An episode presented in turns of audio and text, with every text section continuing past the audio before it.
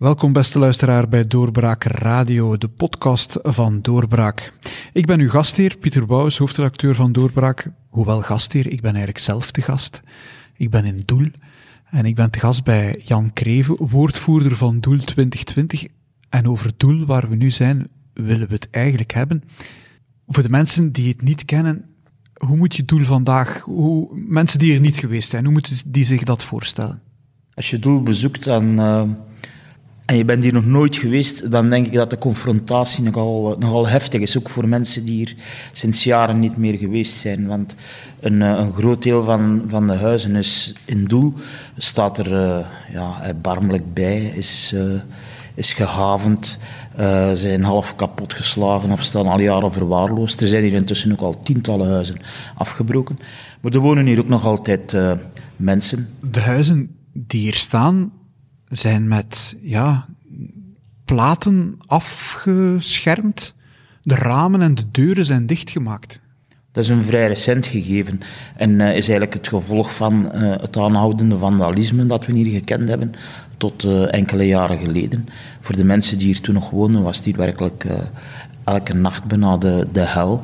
Met bendes die hier binnenkwamen en voor de pret ramen en, en, deuren kwamen ingooien of, of uitstampen. En ja, eigenlijk voor, uh, voor sommigen kwam dat goed uit, omdat op die manier die laatste bewoners die bleven standhouden nog extra druk kregen om het dorp toch, uh, toch te verlaten. En het is eigenlijk doordat we vanaf 2016 in gesprek zijn kunnen gaan met de Vlaamse overheid en met het havenbedrijf, dat men dat heeft aangepakt en de huizen die nog leeg stonden, efficiënt heeft dichtgemaakt, zodanig dat een deel van de ellende stopte. Dus voordat ze werden dichtgemaakt met die platen, was het eigenlijk nog een stuk erger. Maar er wonen wel degelijk nog altijd mensen in Doel. Er wonen nog iets van een dertigtal mensen in Doel. Er is hier uh, ook nog een bloeiende watersportvereniging. We hebben hier uh, verschillende prettige cafés, instellingen en, en restaurants. Dus uh, er is hier nog altijd wel een kern van leven. En, en er is hier ook altijd in, in al die jaren wel een, een harde kern van verzet gebleven om dit dorp hoe dan ook op de kaart te houden. Want ik was hier deze zomer, dan was hier veel fietstoerisme. Er is hier eigenlijk altijd wel volk dat naar Doel komt kijken. Daar zitten natuurlijk de, de onvermijdelijke ramptoeristen tussen, maar uh, daar zitten toch ook heel wat mensen tussen uit alle hoeken van Vlaanderen die uh, uh, ja, die, die solidariteit met dit meest gehavende dorp van Vlaanderen altijd hoog in het vaandel hebben geschreven. Hoe is het zover kunnen komen met Doel? Hoe is Doel geworden wat het vandaag is? Het verhaal gaat natuurlijk terug tot de jaren 60, toen uh, de bomen tot in de hemel groeiden hè, en uh, men dacht dat er aan de, de economie in Vlaanderen en, en de haven uh, nooit grenzen zouden kunnen gesteld worden. En dat verhaal dat heeft men dan de eerste keer bijgesteld in de jaren 70, halfweg de jaren 70, met de oliecrisis. En toen heeft men eigenlijk voor het eerst grenzen getrokken, waarbij dat men bepaalde dat Doel en het poldergebied daar rond, dat die zouden blijven en dat is de zogenaamde Waaslandhaven, dus of de haven van Antwerpen op, eh, op de linkeroever, uh, dat die zich eigenlijk binnen vrij strikte grenzen zou ontwikkelen. En dat heeft eigenlijk na tien jaar van uh, van twijfel en, en, en, ongerustheid en onzekerheid ervoor gezorgd dat Doel echt weer is beginnen opleven. Hè. Er is ook opnieuw gebouwd in Doel vanaf dan. Dus een, een, aantal nieuwe huizen die je hier in Doel ziet staan, die dateren van, van die periode, die zijn dus van de, de jaren 80, de, de vroege jaren 90. Uh, dus uh, Doel kreeg eigenlijk opnieuw de kans om zich te, te ontwikkelen. de toenmalige staatssecretaris Mark Eiskes, die was daarvoor zelfs met de helikopter naartoe gekomen om de bewoners zelf te komen, te komen zeggen dat een dorp zou blijven en dat zou voor altijd zijn. Dat bleek dus niet zo te zijn, uh, want dus vanaf 1995 kregen we te maken met, uh, met nieuwe plannen. En uh, dat had alles te zien met de ontwikkelingen van de containertrafiek in Antwerpen, die vanaf dan echt een, een hoge vlucht begon te maken. Men, men, dacht dat de terminals op de rechteroever dat die eigenlijk vrij snel volzet zouden zijn. En de enige plaats die men nog zag als mogelijkheid, mogelijkheid voor containerbehandeling, dat was op de linkeroever. En dan ter hoogte van Doel. En vanaf dan is eigenlijk heel de discussie begonnen. Dus in 1995 doken die eerste plannetjes op. En in januari 1998 heeft de Vlaamse regering beslist dat er een uh, containergetijdendok zou komen vlak naast Doel. En dat is dan het, het fameuze deurgangdok ja. geworden. Dat er nu ligt. En dat er nu ook ligt. En, en dat is eigenlijk ook het, uh, ja, het, het, het, dubbele in heel dat verhaal. Hè. Dus in der tijd werd er gezegd, ja goed, het gaat over het deurgangdok dat naast het doel komt. Hè. Maar ja, dat, dat dok dat gaat eigenlijk voor zoveel overlast zorgen dat doel niet meer leefbaar wordt. Dus voor het goed van de mensen gaan we dat dorp opruimen. Nu, als je hier in, in Doel rondloopt, de dag van vandaag, hè, het deurgangdok ligt er. En Doel ligt er ook nog altijd. Ik denk dat Doel een van de, de stillere dorpen is in, in, uh, in Vlaanderen. Dus dat was duidelijk een vals argument, maar waar het hem eigenlijk om ging, dat is dat men uh, eraan dacht dat er op termijn misschien nog een containergetijden dok zou kunnen aangelegd worden. En dat was de enige plaats die restte uh, waar nu eigenlijk doel ligt. Hè. En, en dat zat erachter. En vanaf dan heeft men er eigenlijk ook alles aan gedaan om, uh, om dat dorp, nog vooraleer dat er een beslissing kwam over een, een tweede dok, hè, dat wordt dan dat fameuze Saftingen-dok, waar tot voor kort nog over gediscussieerd is. Uh, men probeerde er in feite alles aan te doen om, om de mensen hier weg te krijgen, om de streek eigenlijk vrij te krijgen van bewoning. Men heeft de mensen onteigend. Het is nooit geen onteigening geweest. Hè, want dus, uh, voor een, uh, een onteigening moet je een project hebben van mm. algemeen maatschappelijk uh, belang. En dat is er nooit geweest. Wat men wel heeft gedaan, dat is de mensen zodanig onder druk gezet dat ze zo gezegd vrijwillig zouden verkopen. Hè. En daar heeft men echt alles voor uit de kast gehaald. Hè natuurlijk, ja, niet, niet iedereen is ook even, even mondig of bij machten om zich even goed te informeren. Um, er liep er dan ook iemand gedurende drie jaar rond die niets anders te doen had dan de mensen overtuigen van het feit dat een dorp zou verdwijnen en dat ze beter zouden verkopen. Dat was een ambtenaar van de overheid. Verkopen aan wie? Aan de Vlaamse overheid natuurlijk. Dus al die huizen hier zijn eigendom van de Vlaamse overheid? In, uh, intussen wel. Uh, het is zo dat, uh, dat uiteindelijk steeds meer doelenaars hun, hun huis uh, verkochten. Uh, moet je zich dat ook voorstellen. Hè. Men had aanvankelijk ook gegarandeerd dat iedereen vrij zou zijn, verkopen of, uh, of niet. maar naarmate natuurlijk dat er in een bepaalde straat meer mensen vertrokken, ja, zag dat er natuurlijk voor de achterblijvers uh, minder gunstig uit. Uh, er was aanvankelijk uh, beloofd van wij garanderen de leefbaarheid, zolang dat er hier mensen wonen.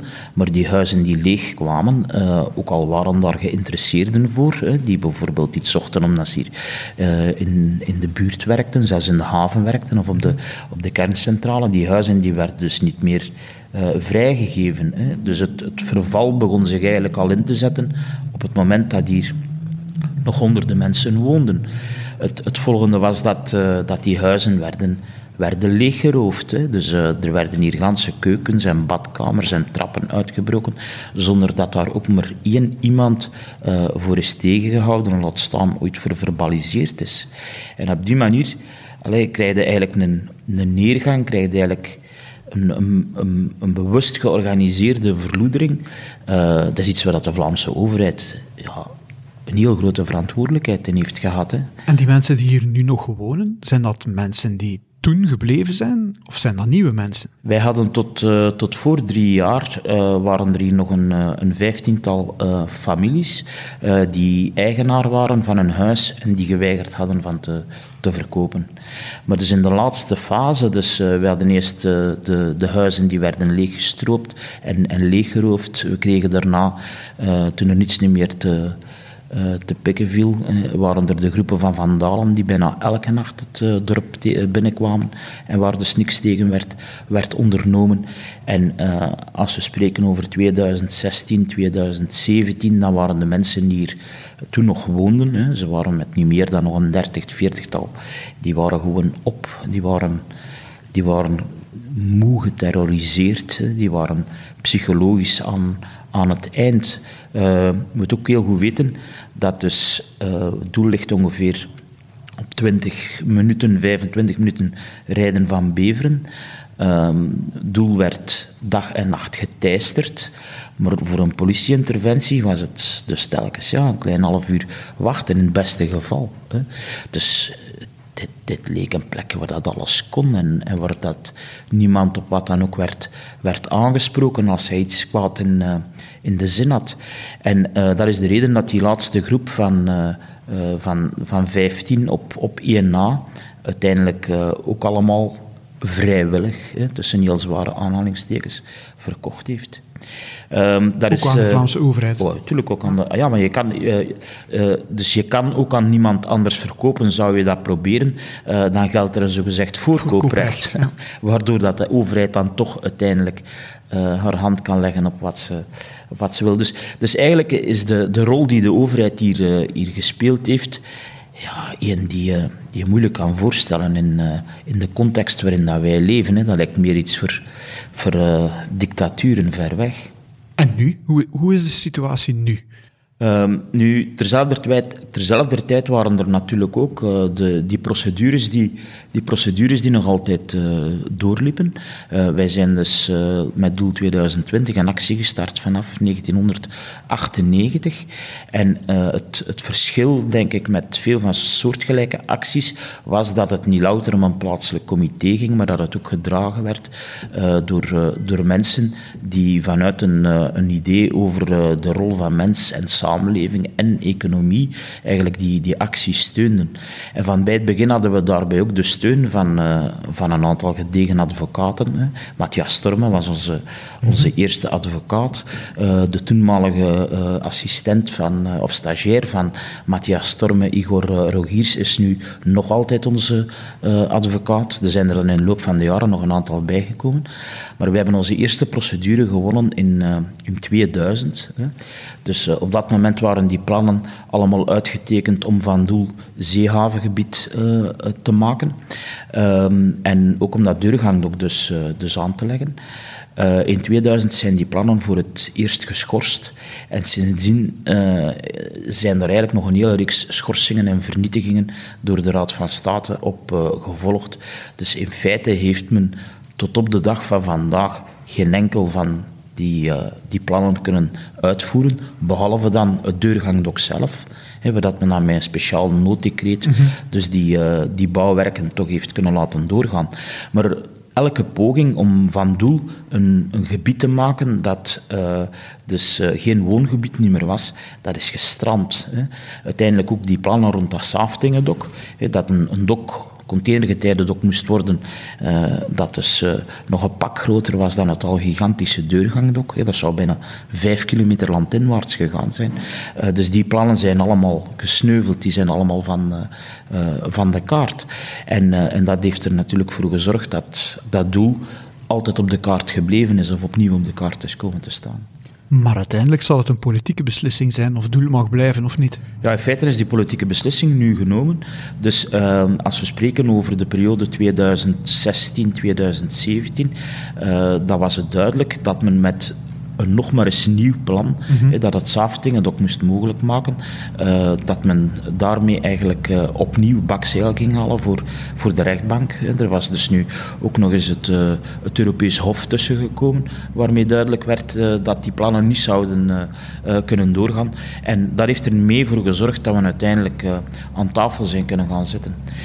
dus dat was dan de eerste keer in bijna twintig jaar dat we dan echt eens uh, met elkaar in gesprek zijn gegaan om te kijken hoe dat we dat probleem konden uh, oplossen in het belang van, van iedereen. En dat heeft er mede voor gezorgd dat er dan eindelijk een aantal maatregelen zijn gekomen ten gunste van uh, de mensen die hier nog wonen. Dus men heeft dan echt maatregelen genomen tegen dat aanhoudend vandalisme. dus de toegang tot het dorp werd het s'nachts bemoeilijkt voor vandalen. de huizen die nog leeg stonden, die werden efficiënt afgemaakt, zodanig dat er niet elke nacht weer glasgerinkel te horen was enzovoort. Er staan slagbomen op de weg naar... Ja, dus uh, s'avonds kan je hier alleen nog uh, binnen als je je identiteitskaart laat lezen. Hm. Het blijft de openbare weg, mm -hmm. maar het feit dat men nu weet wie hier komt, ja, dat vinden dan sommige van die herriemakers blijkbaar toch niet zo aangewezen. Maar er is geen definitief akkoord waarin zegt, waar men zegt, of de politici zeggen, of de Vlaamse regering zegt, ja, doel kan blijven en kan opnieuw een dorp worden, of het dorp worden dat het was. We hebben uh, in 2018 um, hebben eigenlijk die gesprekken geresulteerd in een, uh, in een akkoord met, uh, met de Vlaamse regering, dat dus eigenlijk is afgesproken met de toenmalige bevoegde -hmm. minister Ben. Ja. En daarin werd bepaald dat wij bereid waren om, om mee na te denken over een, een verdere havenuitbreiding in het kader van, die, van dat complex project extra containercapaciteit haven van Antwerpen. En anderzijds uh, dat er eigenlijk niet meer zou gediscussieerd worden over het voortbestaan van doel. Dus uh, dat is eigenlijk wat er in 2018 is overeengekomen. Uh, daar zaten ook nog een aantal maatregelen aan vast met betrekking tot garanties, tot uh, de garanties voor de leefbaarheid in doel en het, en het omliggende gebied. Maar er hingen toen eigenlijk nog heel wat, wat losse eindjes aan vast. Er moest eigenlijk nog heel wat ge, geconcretiseerd worden.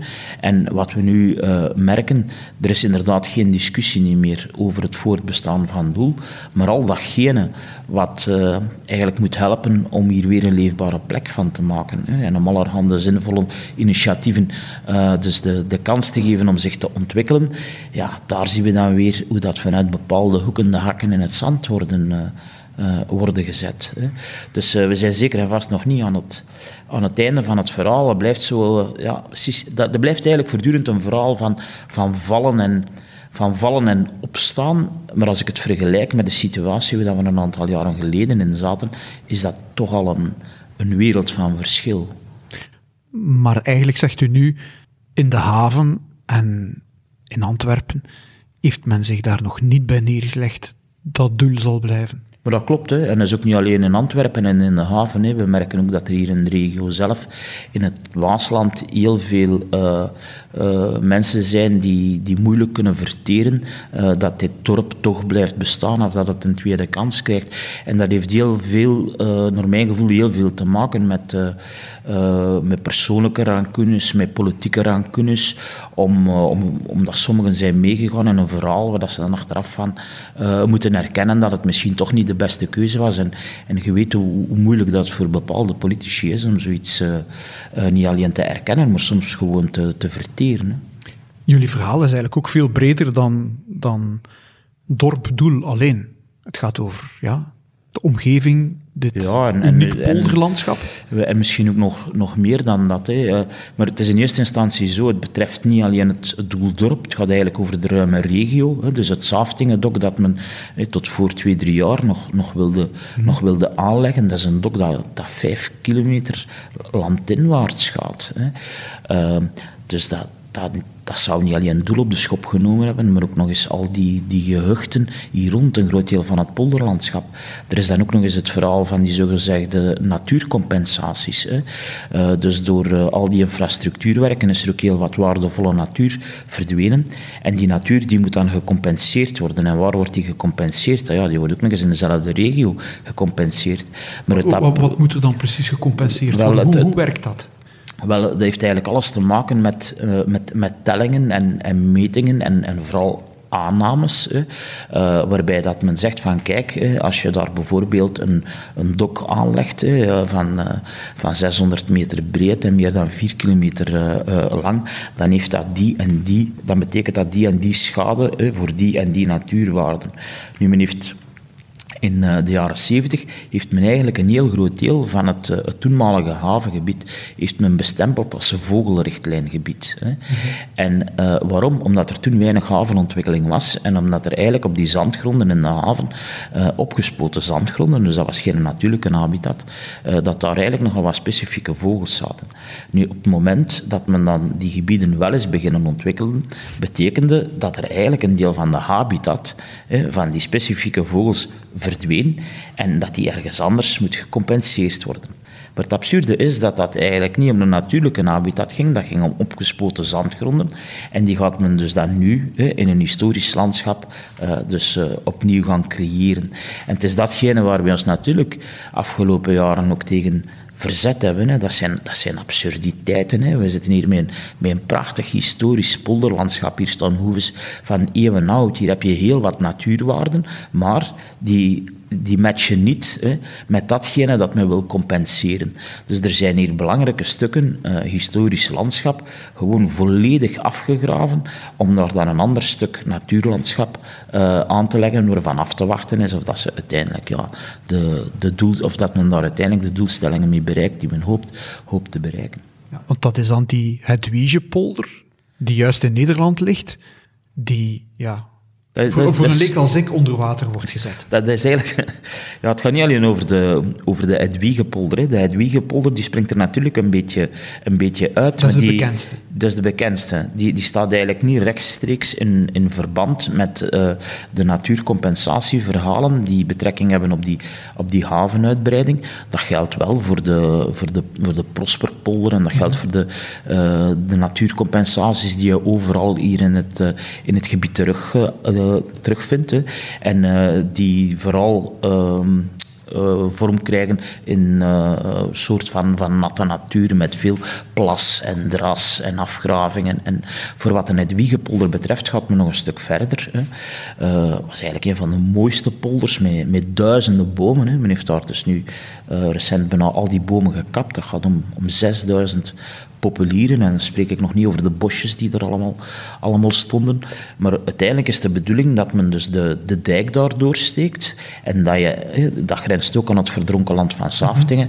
En dat je er eigenlijk nog eens eh, bijna duizend hectare uh, verdronken land bij krijgt. En dat is eigenlijk eerder bedisseld uh, in het kader van de zogenaamde Scheldeverdragen. Hè, voor zogezegd meer ruimte te geven en meer natuurlijkheid te geven aan, aan de rivier. Want de Scheldeverdragen die betekenen meer verdieping voor de Schelde.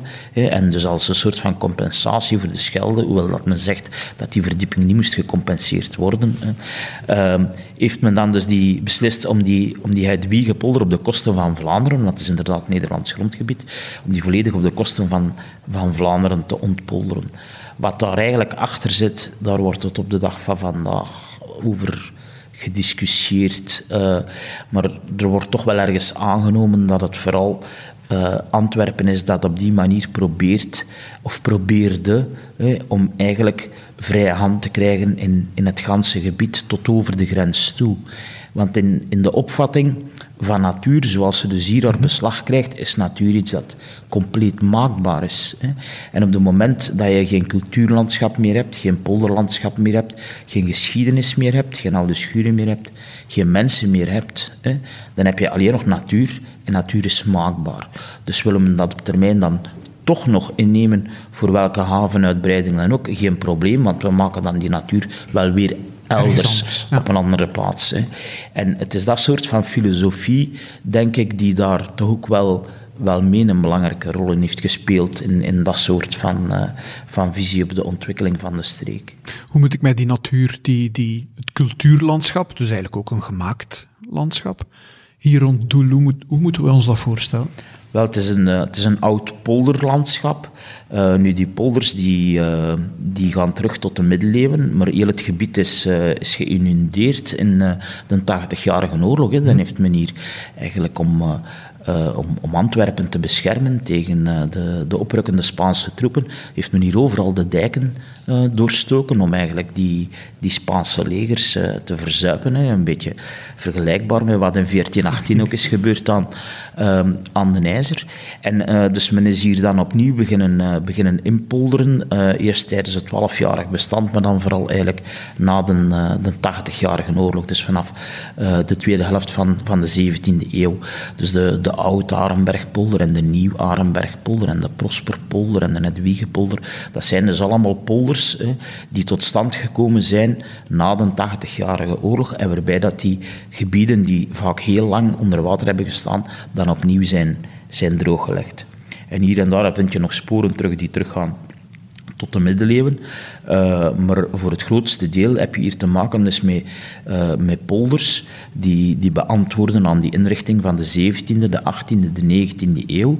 En, en wat daar vooral opmerkelijk aan is, eigenlijk zijn het een beetje uh, getuigen van, van het, het, het vroege kapitalisme in, in de landbouw. Dus eigenlijk voor het eerst heel grote geometrisch afgeleide kavels met, met gigantische schuren daarbij. dus dat, dat, was eigenlijk een heel rijke regio. hè. Mhm. En waar ook eigenlijk nogal wat grondbezitters uit het, uit het Antwerpse actief waren, omdat er hier veel gerst werd verbouwd. En de gerst die had men nodig voor de brouwerijen in Antwerpen. Dus er is altijd ook wel een heel nauwe band geweest tussen, tussen Antwerpen en, en tussen Doel en de polders daar rond. Hè, omdat men eigenlijk ja, die, die polders nodig had voor de stad en ook omdat men er natuurlijk geld uit kon halen. Maar dat zijn dan kilometerslange dijken, dreven? Wel, je hebt natuurlijk, als, als je spreekt over die, over die dijken, uh, je hebt hier eigenlijk dijksegmenten uit, uit bijna alle eeuwen. Hè. Dus de oudsten uh, die gaan terug tot de late middeleeuwen. Dus de, de dijk rond, rond Doel, uh, dat is eigenlijk de oudste, dat is een laat-middeleeuwse dijk. Maar daarna is er dus telkens uh, in elke eeuw wel, wel weer één of twee dijken bijgekomen, waarbij telkens opnieuw grond werd, werd ingepolderd die men door die 80-jarige oorlog was, was kwijtgeraakt. Dus die relatief moderne indeling van, van dat gebied, die heeft ook wel iets morsig, om, mhm. omdat er... Iets Vlaams. In, in, elke, ja, iets echt typisch uh, Vlaams uh, en on-Nederlands, ja, toch wel. Want als je dan vlak de grens, als je dan hier de, de grens overgaat, we zitten vlak bij de grens, en je komt in de Zeeuwse polders terecht, je ziet direct het, het, het verschil. Dus het, de, de morsige kant is is heel duidelijk uh, onze kant. Hè. En, en eh, elke dijk of, of, elke eeuw brengt een nieuwe dijk mee en, en een toch wel weer wat, wat andere aanpak. Maar het interessante is vooral dat je al die verschillende uh, periodes hier, hier terugvindt. En dat je hier eigenlijk in vergelijking met veel andere plaatsen in, in Vlaanderen toch nog ook heel veel authenticiteit terugvindt. Ja. Je ziet de geschiedenis, als je het weet, in het landschap. Ja, en zelfs als je het niet weet, je merkt het gewoon, je voelt het gewoon. Ja. Uh, een, een streek die toch eigenlijk nog, uh, nog heel veel getuigenis in zich draagt van, van voorbije eeuwen. Jullie hebben ook een boek geschreven, Klopt. Doel 2020. Het is ook 2020. Jawel. Hadden jullie eigenlijk gedacht, bij die naam op, in 2020 zal het gedaan zijn? Nou, ik denk, uh, niemand, niemand, kon, niemand kon ooit vermoeden dat die dat die actie uh, uh, zo lang zou blijven duren. Hè. Ook dat ze dit soort mm -hmm. van, van karakter zou, zou aannemen. Hè. Ik weet nog goed, Doel 2020 is in 1997 gesticht. Dus ik heb toen samen met toenmalig eresenator Ferdinand de Bond dat actiecomité opgericht. Het was een actiecomité en een, en een bewoners vereniging. was in het najaar van 1997. We hadden snel een naam nodig. En ja, 2020, dat leek ons zo gigantisch ver, ver weg. Hè. En kijk, 23 jaar later uh, voeren we eigenlijk nog altijd die, uh, diezelfde actie. De, terzelfde tijd is dat toch ook wel de, de illustratie van hoe dat, wat hier gebeurde in Doel, um, toch ook wel betrokkenheid kreeg um, in, in gans Vlaanderen. Uh, wij, wij hebben in die voorbije jaren echt steun gehad uit alle hoeken van, van Vlaanderen. Hè. Dus uh, de, de advocaten die het hebben opgenomen voor het doel, dat zijn allemaal mensen die van, van buiten deze regio komen. Uh, de mensen die hiermee actie kwamen voeren, die hier soms mee op de daken zaten, dat waren heel vaak mensen die van tientallen kilometers verder kwamen om, om die actie mee, mee mogelijk te maken. Hè. En, en in die zin, het, het is een actie die verder ging dan Duw, in die zin dat ze hier ja, het omliggende polderlandschap ook, ook aanging. Maar het is ook een, een actie die ging over ja, hoe dat je aankijkt tegen mens en, en samenleving en de, en de plaats van economie. dus uh, het, het, was geen louter plaatselijk actiecomiteetje met, uh, met plaatselijke bezonjes. Is dat boek de geschiedenis van wat jullie gedaan hebben? Of is het meer dan dat? Uh, het, het, geeft voor een stuk een overzicht van, uh, van hoe dat heel die actie zich on, ontwikkeld heeft. Hè. Maar natuurlijk, uh, je leest er ook de, de aanzet in, in, in die zin dat eigenlijk Doel 2020 ook niet het allereerste actiecomité was hier in de streek. Hè. De, de problematiek was ook al een stuk langer bezig, omdat mm -hmm. natuurlijk die havenuitbreidingsplannen zich zijn beginnen ontwikkelen van in, van in de jaren 60 en 70. Het is volgens mij ook wel een beetje de, de illustratie van ehm, wat er in, in Vlaanderen op vlak van, van ruimtelijke ordening en op vlak van omgaan met mens en gemeenschap ehm, mis is gelopen. Hè, want het loopt eigenlijk parallel met ja, de ontvoering van Vlaanderen, zou je kunnen zeggen. Of met het verhaal van, van wat we zelf doen. Mhm. En in dit geval duidelijk niet altijd, altijd, uh, altijd beter. Uh, het dossier Doel heeft eigenlijk ja, op het bord gelegen van quasi elke Vlaamse minister president hè, van de afgelopen 25 jaar, plus diegenen die daar op een of andere manier uh, mee bevoegd voor waren. U woont zelf niet in Doel, maar, maar in een gehucht bij Doel. U hebt dat in uw leven toch enorm zien veranderen. Woont u daar dan nog graag? Ik woon hier nog altijd heel graag, ja. En uh, ik kan natuurlijk niet voor anderen spreken, maar ik heb toch het gevoel dat uh, de meeste mensen hier in de regio, ondanks alles wat hier gebeurd is, ze, ze hier nog altijd heel graag wonen. Misschien zelfs dankzij wat hier gebeurd is. Hè. Want uh, er zijn hier natuurlijk heel veel mensen noden vertrokken. Mhm. Er zijn echt mensen weggepest. Hè. Ik denk dat dat dat woord echt wel kunt uh, gebruiken. Uh, maar de, de gemeenschap die, die is gebleven, dat is echt wel een gemeenschap die, die heel sterk aan, aan elkaar hangt. En die ook heel verknocht is aan wat er hier nog overblijft. Dus hier is... Je kunt daar niet, niet omheen. Als je hier in Doel rondloopt en ook in, in dat poldergebied hier rond. Hè, er is hier onnoemelijk veel onnodige schade aangericht. Hè. Zowel menselijk als, als aan het patrimonium. Maar aan de andere kant zit er hier ook nog altijd enorm veel potentie in, in dat gebied. Dus je zit hier met een schitterend historisch landschap, nog altijd, ondanks al wat dat ze hebben Ondanks alles wat is kapotgeslagen. Je hebt hier ook nog een prachtig stuk open ruimte en, uh, en natuur.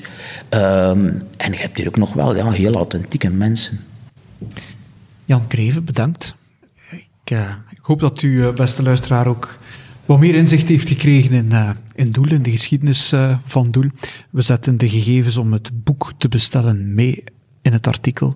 En ik uh, hoop dat u ook graag een volgende keer afstemt op Doorbraak Radio. Tot een volgende keer. Dit was een episode van Doorbraak Radio, de podcast van doorbraak.be. Volg onze podcast op doorbraak.be/slash radio of via Apple Podcasts, Overcast of Spotify. Bezoek ook onze website op doorbraak.be en steun ons door een vriend te worden van Doorbraak.